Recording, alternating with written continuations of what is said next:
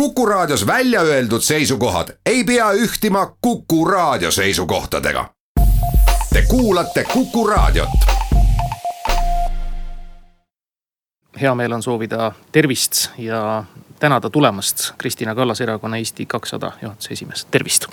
tere ja tere ka Kuku Raadio kuulajatele visaku esimesena kivi see, kes ütleb, et see pole tõsi. seda lauset äh, korrati päris palju ja teisipäeval vesteldes Pavel Ivanoviga, meie hea kolleegiga, kirillitsas Eesti autoriga. Pavel lubas võtta kätte ühe korraliku tellise ja selle tõesti lajatada. kui palju nüüd Kristiina pärast seda plakateid, neid kive on lennanud?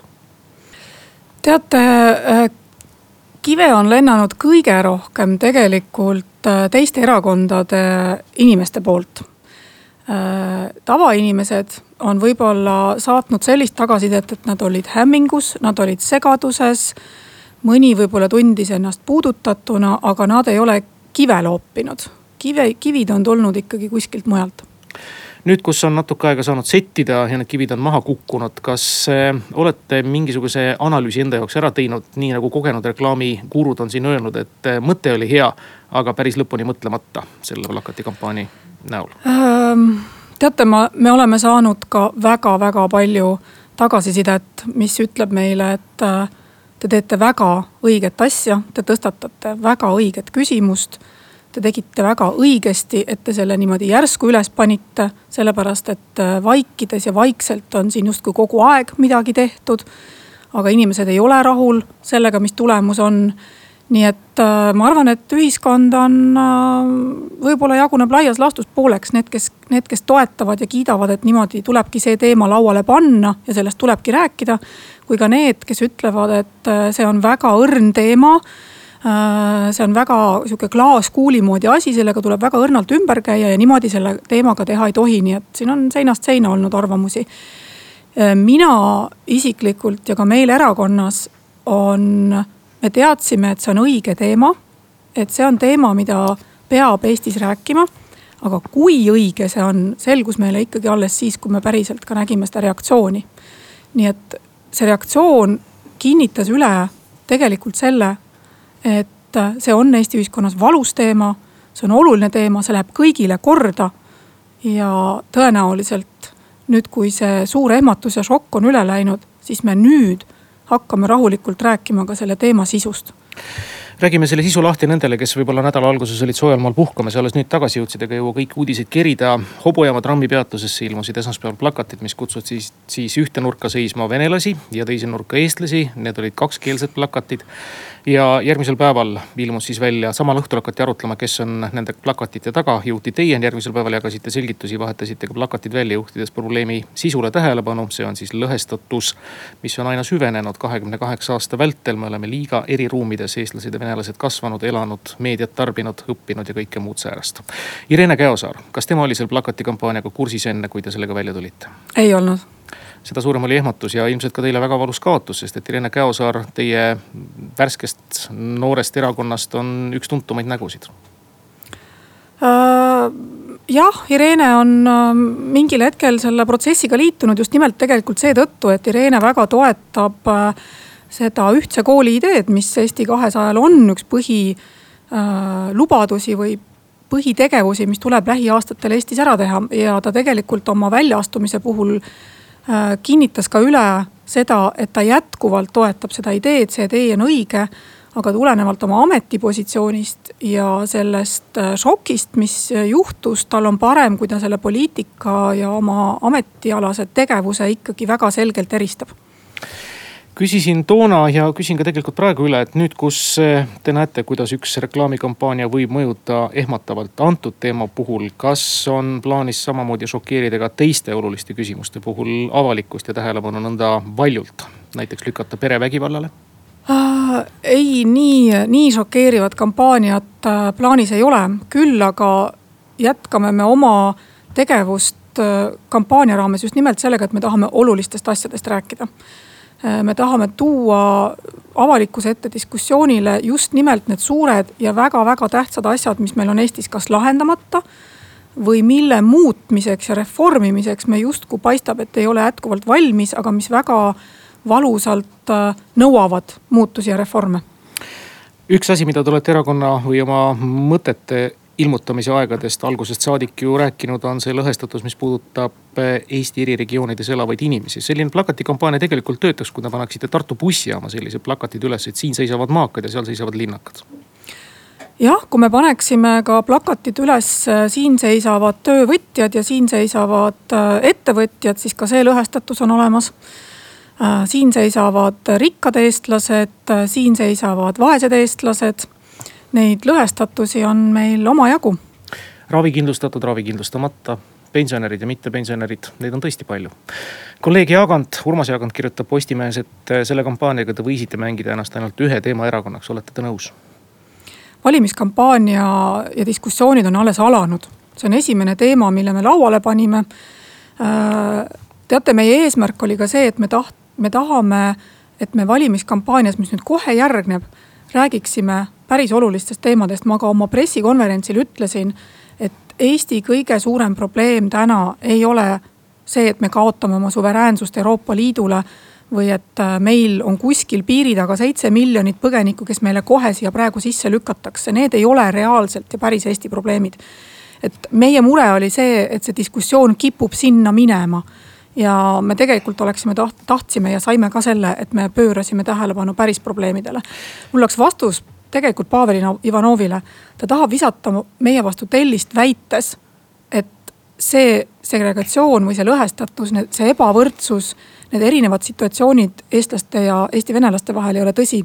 me võime siin saates väga pika jutuajamise teha, kus on võimalik väga pikalt tuua fakte, numbreid, igasugust statistikat selle kohta, mis näitab, et see lõhe on väga reaalne ma loodan, et Pavel Ivanov kuuleb ja kui ta ei kuule, siis hea meelega kuulaks seda saadet kohe päris kindlasti. ja ma usun, et see idee on nüüd soola pandud ja duell või õigemini kinnas heidetud. seda siis loomulikult piltlikult. ma olin kohal ja kuulasin ka seda pressikonverentsi. kas te tõesti arvate, et oleks nende valimiste teemaks saanud seesama diskussioon mustmiljonist araablasest meie piiride taga?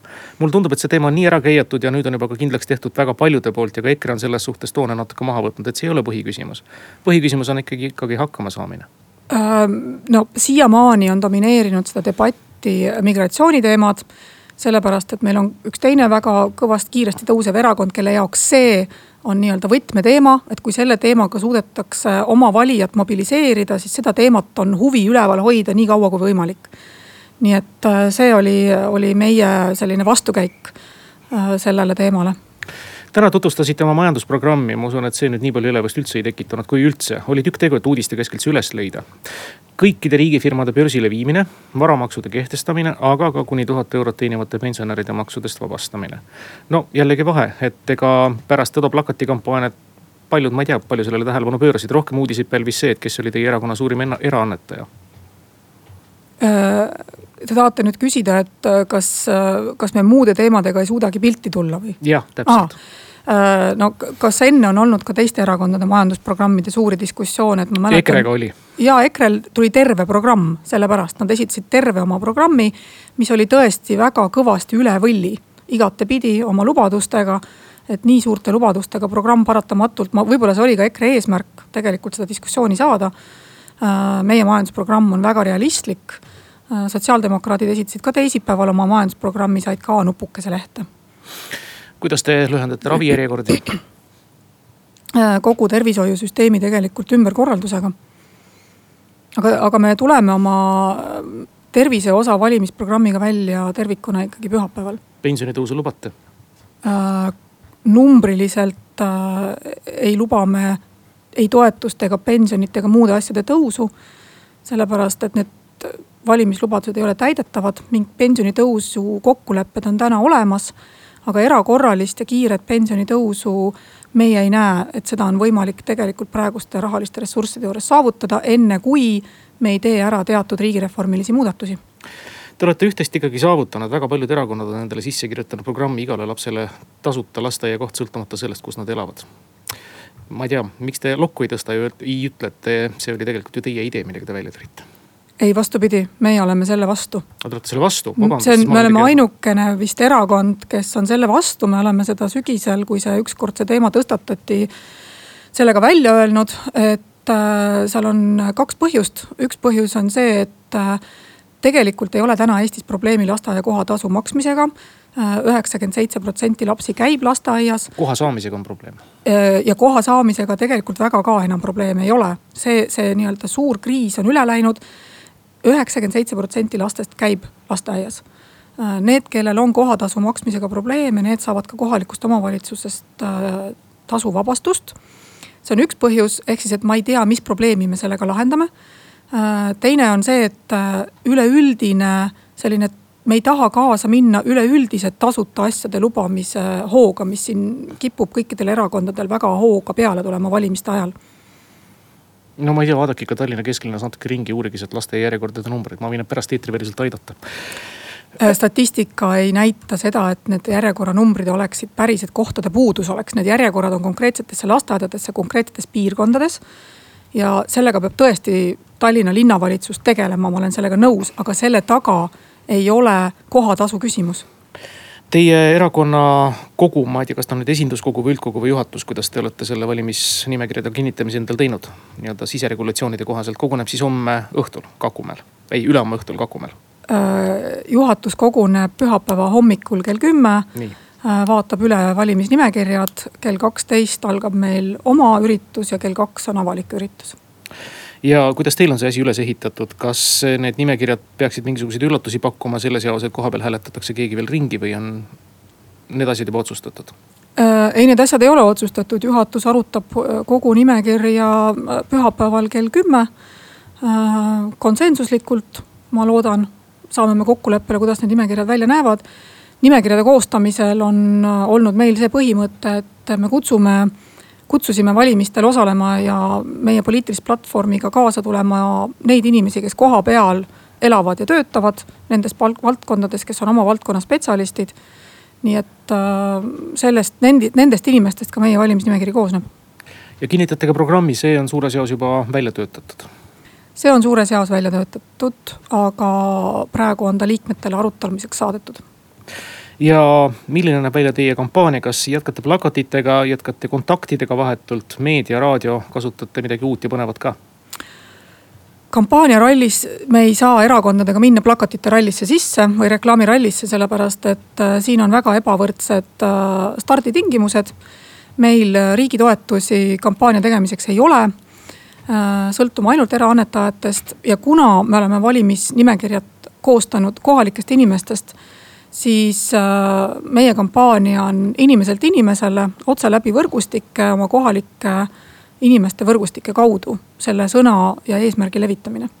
panete välja täisnimekirja? paneme välja täisnimekirja. kuidas erakonna Äh, kautsjoni maksmisega loodan, kas erakonna liikmed hoolitsevad selle eest ise, kes nimekirja satuvad? noh, ma jätaks selle siin praegu avalikkuse ees diskuteerimata, kuidas me erakonnas seda. see ei olnud ka diskusseerimise küsimus, lihtsalt tahtsin küsida eh,. ma arvan, et see on meie erakonna sisene kokkulepe kandideerijate ja, ja erakonna vahel. Te kuulate saadet telefon stuudios on kuus, kaks, üks, neli, kuus, neli, kuus. tänane Vox Populi erisaade küsimustele vastab erakonna Eesti kakssada esimees Kristina Kallas. meil on ka juba esimene helistaja liinil, tervist. tervist, mina olen ka tavakodanik, ühtegi parteisse ei kuulu ja ühinen Pavel äh, Ivanoviga täiesti, mis suhtub nüüd Eesti kakssada provokatsiooni. aga küsimus on järgmine, et äh, sotsiaalmeedias ja uudisteportaalide kommentaariumis on äh, väga palju diskuteeritud selle üle, et kust on nagu selline erakordne küünilisus ja jõhkrus nagu pärit ja, ja ühe versioonina on esitatud, et teie ema kuulus äh, omal ajal Kiviõlis internetiaktivistide hulka, et kas see vastab tõele või mitte, et ma kasutan võimalust siis otse küsida, et et, et spekuleerimine ära lõpetada, et kas see oli niimoodi või ei olnud? Ähm, mina muidugi naeran selle peale juba, minul, minu emal äh, oli ka väga naljakas, kui ta seda lihtsalt kuulis. Äh, mu vend, äh, minu venna jaoks ei olnud naljakas, see on puhas laim. ja ma arvan, et need inimesed, kes seda laimu levitavad, las see jääb nende südametunnistusele. mina nendega kaklema ei hakka. aga see ei vasta tõele kohe mitte ühestki otsast kuus, kaks, üks, neli, kuus, neli, kuus, esimene küsimus on vastuse saanud, ootame järgmisi, tervist hallo. tervist. jah. kuidas Eesti kakssada suhtuks sellesse, kui riigikogu valimiskünnise ületavad Vabaduspartei Põllumeeste Kogude, Vabaerakond, Rohelised, Elurikkus ja Rahva Tahe. teoreetiliselt on võimalik, et need erakonnad saavad riigikogusse juhul, kui nii Vabaerakonna, Roheliste ja, ja Elurikkuse, Rahva Tahe kandideerivad liikmed astuvad ajutiselt oma parteist välja ja kandideeriksid näiteks põllumeeste kogude katuse all, kes oma kandidaati ei esita või rahva tahe katuse all. või teine variant, võtaks omavahel loosi. kas kardate te konkurentsi, kuna need erakonnad eeldatavasti on ühistel seisukohtadel Rail Baltic, massiimmigratsiooni ja, ja Tartu rahu eirava uue piirilepingu küsimuses? ja milline on teie seisukoht viimases probleemis äh,? Tähendab, äh, mina tervitan igasugust konkurentsi ja ma ei saa kuidagi käsitleda seda niimoodi, et ma ei, et, et nad ei peaks kandideerima. loomulikult on hea meel, kui kõikide ühiskonnagruppide erinevad huvid on valimistel esindatud niimoodi, et kõik ühiskonnagrupid leiavad endale sobiliku erakonna, oma maailmavaatega sobiliku erakonna, see on ju iga terve demokraatia nähtus nii et äh, kõikide nende osalemine on teretulnud, mis puudutab äh, piirilepingut Venemaaga, siis äh, meie seisukoht on see, et piirileping Venemaaga on vaja sõlmida, aga see preambulas või ratifitseerimise lisadokumendis sõnastatud seotus Tartu rahulepinguga peab jääma sinna. kuus, kaks, üks, neli, kuus, neli, kuus on järgmise helistaja vastu võtnud, tervist Te,. tere päevast, mul on proua Kristiina Kallasele selline noh, muidugi osaliselt see esimene helistaja ütles ära, et noh, ta ei maininud, et intervjuudega, et seotud. aga kas see on normaalne, kui äh, vapustatakse selliste plakatitega? kui ma esimest korda nägin, ma isegi ei teadnud, kellele need plakatid kuuluvad ja mulle tundus, et see on ühiskonda lõhestav, täitsa ehmusin ära ja kuna mina isiklikult olen äh, paljude eri rahvustega ja erinevatel ametikohtadel töötanud ja ise olen segavereline ja, ja Venemaal mul pole mingit probleemi olnud ja, ja mingit lõhestatust ma pole tundnud. Ja sellegipoolest täitsa vapustav ähm,. ma klaariks ära siin nüüd ühe asja. Ähm, ka meie arvates ei ole probleem mitte eestlaste ja venelaste omavahelistes suhetes, selles, et eestlased vihkaksid venelasi või vastupidi, mitte selles ei ole Eesti lõhestatuse probleem. Eesti lõhestatuse probleem on selles, et meil on struktuurselt üles ehitatud ühiskonnas koolid, lasteaiad ja muud süsteemid niimoodi, et eestlased ja venelased elavad üksteisest lahus ja see omakorda toob tagajärjena väga erinevaid võimalusi, näiteks me teame, meil on statistika, mis näitab seda, et venelaste sisse või Eesti venelaste sissetulekud on mitu korda väiksemad eestlaste omast. juhti, juhtide positsioonidel on kaks korda vähem venelasi, kui seal on eestlasi. samal ajal kui lihttööliste hulgas on kaks korda rohkem venelasi, kui seal on eestlasi. Eesti venelased elavad tervena vähem arvu aastaid kui eestlased ja nii edasi, nii edasi, neid erinevaid statistikaid, mis näitavad seda, et erinevused rahvusgruppide vahel on väga suured. ja Eesti ühiskonna jaoks tervikuna on väga ohtlik see kui näiteks vaesuse ja muude ebavõrdsuse näitajad langevad kokku rahvusega ja see on meil tegelikult olnud kasvav trend, mille tõttu me tahamegi tähelepanu pöörata sellele, et ühiskonnas tuleb hakata tegema muutusi selleks, et need ebavõrdsused, see lõhestatus sotsiaalmajanduslikes võimalustes, poliitilistes võimalustes ükskord ometi hakkaks paremuse poole liikuma võimalikult kiiresti. kuus, kaks, üks, neli, kuus, neli, kuus on järjekordse helistaja vastu võtnud, tervist tervist. mul on üks niisugune küsimus. Te olete vahetevahel vihjanud, et teil on mõned ebapopulaarsed otsused teha, juhul kui te võimule tulete või võimu juurde pääsete. Vaadake, sellepärast ongi äh, poliitikud äh, üsna hea palgaga, et nad mitte mingil juhul ei teeksid ebapopulaarseid otsuseid. et nad oskaksid riiki ja elu niimoodi kujundada, et mingeid ebapopulaarseid otsuseid ei oleks. aga nüüd minu küsimus on selline, okei okay,, kas te võite reastada eh, oma ebapopulaarsed otsused, mida te hakkate tegema, juhul kui te kui te võimu juurde või koalitsiooni pääsete? ma tänan ma kommenteeriks seda esimest poolt sellest argumendist ikkagi niimoodi, et juhtimise juures, kui on vaja teha muutusi, olemasolevat süsteemi muuta, siis me ei pääse tegelikult sellistest otsustest, mis mõnedele inimestele ei pruugi meeldida. Riigi juhtimises ei ole tõenäoliselt selliseid otsuseid, mis meeldiksid kõigile ja alati.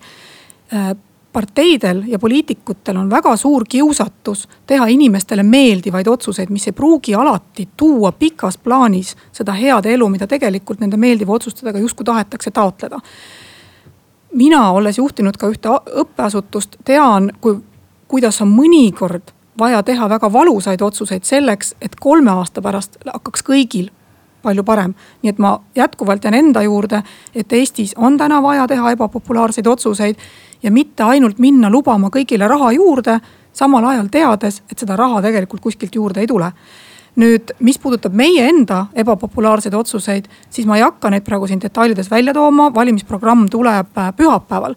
ma markeeriksin ära, et meil on vaja Eestis ära teha riigireform, selle riigireformiga kaasneb terve hulk selliseid otsuseid, mis mingitele gruppidele inimestest ei meeldi. Äh, meil on vaja Eestis hakata tegema tervishoiureformi, kus on ka otsused, mis teatud hulgale inimestele ei meeldi. ja samamoodi sotsiaalkaitsesüsteemis selleks, et iga Eesti inimene, kes sotsiaalkaitset vajab, selle vajaduse ka lõpuks kätte saab. no ma markeerisin praegu ära need kolm valdkonda, kus on võib-olla vaja teha kõige suuremaid reforme ja kus küll mitte Eesti rahvast tervikuna, vaid vastupidi, mõned huvigrupid, kelle jaoks tänane süsteem on mugav Äh, nemad võivad äh, mitte absoluutselt rahul olla selle süsteemiga ja ma, selle muutusega ja ma kujutan ette, et nad hakkavad ka vastu töötama.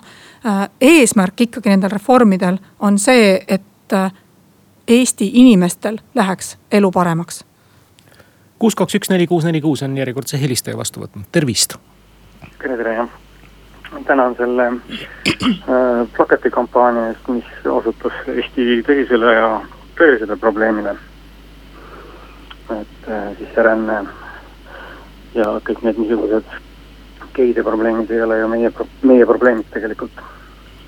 et äh, aga mul on sihukesed äh, kolm lihtsat küsimust, millele täna nagu Eesti kakssada noh, ei ole siis minu jaoks veel nagu selginud, et missugused on need seisukohad, et kas astmeline tulumaks või lihtne ühetaoline tulumaksusüsteem, kas Äh, riigikapitalism või siis mõni ütleb selle kohta sotsialism.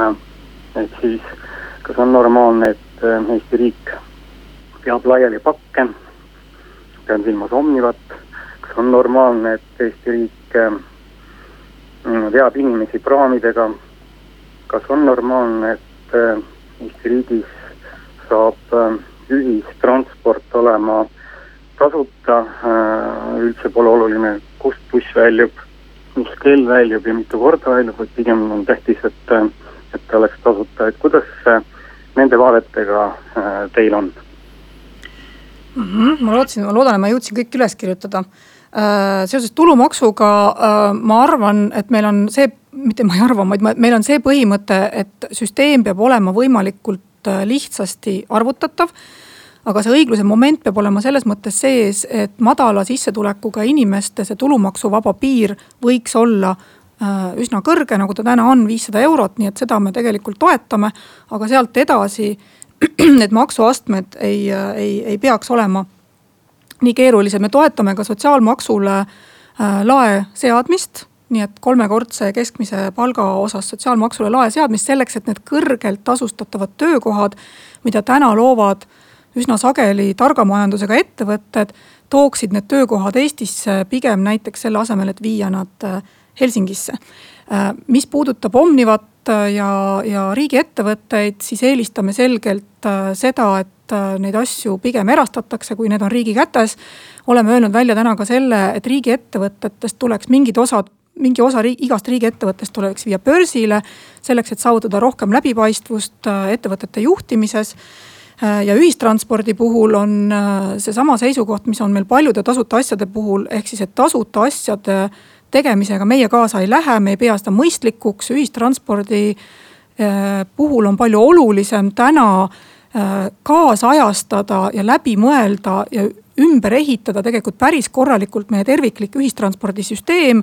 niimoodi, et rongid, bussid, laevad ja lennukid oleksid kuidagi omavahel infosüsteemis seotud, nii et inimene, kes hakkab sõitma Narvast Kuressaarde, sinna Narvast Kuressaarde ka jõuaks, ilma et ta peaks siis neid erinevaid juppe ise ise kokku panema ja sel juhul ei ole tegelikult ka väga oluline, kas see on tasuta või, või tasuline, pigem ma arvan, inimese panus sinna sellesse transpordisüsteemi on äh, oluline Kuku raadio saates nimega Saade on jätkamas Vox Populi erirubriik ja täna vastab küsimustele erakonna Eesti kakssada esimees Kristina Kallas. telefoninumber stuudios kuus, kaks, üks, neli, kuus, neli, kuus, kuhu on oodatud head kuulajad ja nende küsimused.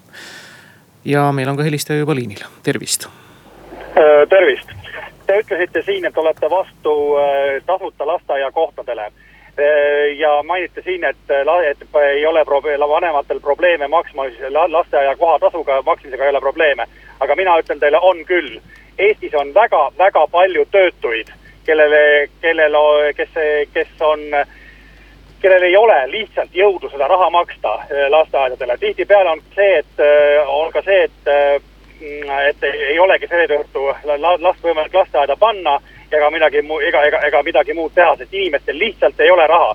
sellest, kui te, kui te tahaksite, tahate olla selle vastu, et, et meil oleksid tasuta lasteaiakohad, siis äh, olge hea äh, organiseerige palun oma erakonnas äh, see, et Eesti inimestel oleks töö normaalse palgaga, aga mitte see, et me peaksime närutama või kusagile välismaale minema. nii et ma küsin nii, et vot see on minu, minu küsimus, et, et kas te, kas te võtate ka midagi selleks ette, et Eesti inimeste palgad tõuseksid ja inimesed jõuaksid lasteaiakoha, kohatasu maksta, aitäh see oli selline kommentaariga segatud küsimus. ja aitäh küsimuse eest la, tasuta lasteaiakohad loomulikult ei loo juurde töökohti, nii et kui inimestel on äh, töökohtade puudus ja tööpuudus on suur, siis tuleb tegeleda töökohtade puudusega ja töökohtade loomisega.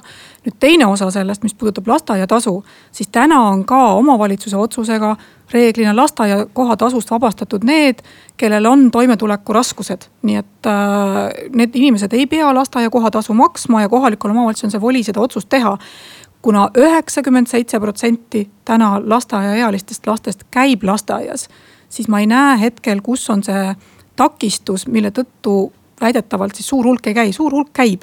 nii et see väike kolm protsenti, kes täna lasteaias ei käi, nende puhul ei ole alati tegemist sellega, et ei suudeta maksta lasteaiakoha tasu. vaid äh, omajagu on seal taga ka neid lapsi, kellel on äh, ema kodune selle tõttu, et on peres veel väikseid lapsi sündinud ja on tehtud see otsus, et ema jääb koju ja laps lasteaias ei käi kui meil oleks probleem, kui meil oleks selline statistika, kus meil ainult pooled lapsed käivad või meil käib kuuskümmend protsenti ja ülejäänud tegelikult ei saa endale lubada lasteaias käimist. selle tõttu, et lasteaia kohatasu on kõrge, siis ma saan aru, et me võiksime seda diskuteerida. aga täna ma antud hetkel selles olukorras probleemi ei näe kuus, kaks, üks, neli, kuus, neli, kuus on telefon, kuhu ootame siis kuulajate kõnesid ja korrata seda numbrit pole vaja, meil on jälle helistaja liinil, tervist. tervist Kuku raadio. ja, kuuleme teid. ma tahtsin lugupeetud esindajale ühe küsimuse esitada. ta paiskas äh, siin õhku nii palju protsente äh, sellistest äh, palkadest ja kõikidest asjadest. et tal on väga hea ülevaade sellest, aga ma tahtsiks teada saada, kuidas kuritegevusega lood on. kas see on ka nüüd eestlaste kasuks või, või mismoodi see siis on? paluks lühidalt vastust kuritegevuse osas minu teada ei ole rahvusepõhist statistikat küll aga on teada, et Ida-Virumaa piirkonnas on kuritegevus äh, keskmiselt kõrgem, kui see on kuskil mujal. kuritegevusel ei ole rahvusega midagi pistmist. kuritegevusel on pistmist just nimelt nende sotsiaalmajanduslike probleemidega, kus omakorda eestlaste venelaste olukord on väga erinev. ehk siis, et äh, ma toon siit selle ahela, et kui sul on raskusi Äh, sissetulekutega, su sissetulekud on madalamad, sul on pikaaegne töötus, äh, sul on ka terviseprobleemid, mida me näeme, siis kõik need omakorda kuhjudes teatud kogukondades võivad tekitada ka suurema riski kuritegevust, kuritegelikule teele minemiseks nii et äh, loomulikult on ka kuritegevus üks osa sellest komponendist, et kui me sotsiaalmajanduslike probleemidega ei tegele, siis sealt edasi meil on tegelikult erinevused kõrgem ka kuritegevus Ida-Virumaa piirkonnas. nii et see veel kord tegelikult kinnitab meie argumenti, et me peame selle erinevustega, lõhestatuse ja erinevate võimalustega Eestis väga tõsiselt tegelema Telefon kuus, kaks, üks, neli, kuus, neli, kuus on taas vaba ja nüüd enam mitte. me kuulame jälle helistajat, tervist. No tervist, vaadake, kui Eesti Vabariik loodi, siis oli see lennutaat oli luuaga, lööme platsi puhtaks. mäletate seda jah? sellist loosungit mäletame, nii. no vot nii, aga plats, suur see plats jäi osalt põhki patta nüüd on kakskümmend seitse aastat ja rohkemgi on sellesamase saasta all, mis praegu on, mis põhjustab seda eraldatust ja pronksiveid ja kõike. ma tahan nüüd küsida, miks siis platsi puhtaks ei löödud, mis te arvate, miks jäi osa seda platsi saasta alla ähm.? ma nüüd täpselt ei tea, mida helistaja silmas pidas, et kes see saast on, kellest oleks pidanud platsi puhtaks lööma, et äh, ma jään natuke kimbatusse siin sellele küsimusele vastamisega jah, kuus, kaks, üks, neli, kuus, neli, kuus, siis kuulame järgmist helistajat, teda, tema küsimust, tervist. Mm, tänan ja need vastused on äh, päris head. Ja tänan, et ei ole populismi nagu langenud, et siis äh, ei ole läinud vastustes äh, sama ümmarguseks, kui näiteks Jüri, Jüri Ratas on läinud. et küsin veel niisuguse küsimuse, et Vene telekanalid loomulikult kasutasid selle plakati kampaania ära ja demonstreerisid seda siis nii-öelda erineval moel, aga oli ka täiesti niisuguseid äh, normaalseid oletusi, et ilmselt on see see ja too ja kolmas äh,. aga väga paljud äh, ka Eestist pärit kommentaatorid on äh,, venekeelsed kommentaatorid on siis äh, täna nagu tekitanud küsimuse selle üle, et kuidas see Äh, koolisüsteem siis ühtlustatakse, et kuidas see täpselt teie arvates peaks olema? et enamus pakkus siis välja sellise asja, et eestlased ja venelased käivad ühes koolis, et see on nagu üks nendest niisugustest lähenemistest, kuidas likvideerida Eestis vene kool. et enda jaoks on see hirm, et, et peaks olema nagu võimalus valida, et tahan, panen lapse vene kooli, tahan, panen eesti kooli Äh, mina leian, et äh, loomulikult see integratsioon, jõle tobe sõna, aga okei okay,, äh, et see nagu toimiks sellisel juhul paremini, kui oleks nagu üks kool. aga nüüd on lihtsalt küsimus, et aga kui tõepoolest vene perekond tahab, et tema laps saaks hariduse vene keeles, et, et kuidas nagu sellesse suhtuda, kuidas, kuidas see teie arvates nagu täpselt toimuma peaks? jah äh ikkagi oluline on see, et need lapsed õpiksid ühes koolis.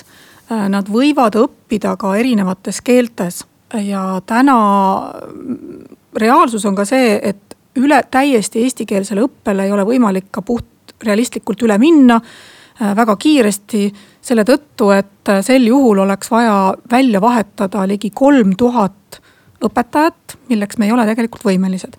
ehk siis see, kui me hakkame Eesti ja Vene kooli kokku panema, see on, see on meie idee. et me mitte ei loo kõigile ainult eestikeelset kooli või ei sunni venekeelset kooli lihtsalt õpetama eesti keeles, sest see ei anna tegelikult seda tulemust, et äh, mida, mis on integratsiooni jaoks tegelikult vaja vaid eesmärk on panna eesti ja vene lapsed ühte kooli õppima. selles samas ühes koolis nad võivad õppida tegelikult ka erinevas keeles, meil on täna selliseid koole, meil on Kehra gümnaasium, kus on ühes klassis on sada protsenti eestikeelne õpe, paralleelklassis on keelekümblusmetoodikaga kakskeelne õpe. Äh, meil on Maardus selliseid koole, meil on ka Tallinnas, meil on Jõhvi riigigümnaasium, äh, tegelikult ka Narva äh, Eesti gümnaasiumis õpib väga palju vene kodukeelega lapsi meil on selliseid koole Eestis päris palju, aga meil on ka koole, või omavalitsusi, kus need koolid on jätkuvalt jäetud eraldi. Nad on kaks pisikest kooli, mõnikord üksteisest kuuesaja meetri kaugusel. ja vot see on see olukord, mida me tahame adresseerida. et me pigem enam ei hoiaks neid koole eraldi, vaid me paneksime need lapsed sinna kooli kokku. õppekeele osas ma olen teiega selles mõttes nõus, et äh, siin on vaja kogukondadega läbi rääkida äh, ma olen nõu-, ma, ma leian seda, et valdavalt peaks õppekeel olema eesti keel, sest vastasel juhul selle kooli töökeeleks ei kujune eesti keel. küll aga tuleb alati adresseerida ja arvestada venekeelse või ukrainakeelse kogukonnaga äh, ja nende huvidega arendada oma lastes ka nende emakeele oskust selles samas ühtses Eesti koolis suur-suur tänu, Kristiina Kallas, erakonna Eesti kakssada esimees nendele küsimustele vastamast, neid sai täna tosin. soovime teile edu, jõudu ja sõna integratsioon asemel soovitab saatejuht kasutada igati suupärasemalt Ain Kaalepi välja mõeldud sõna lõimumine. igal juhul aitäh teile. aitäh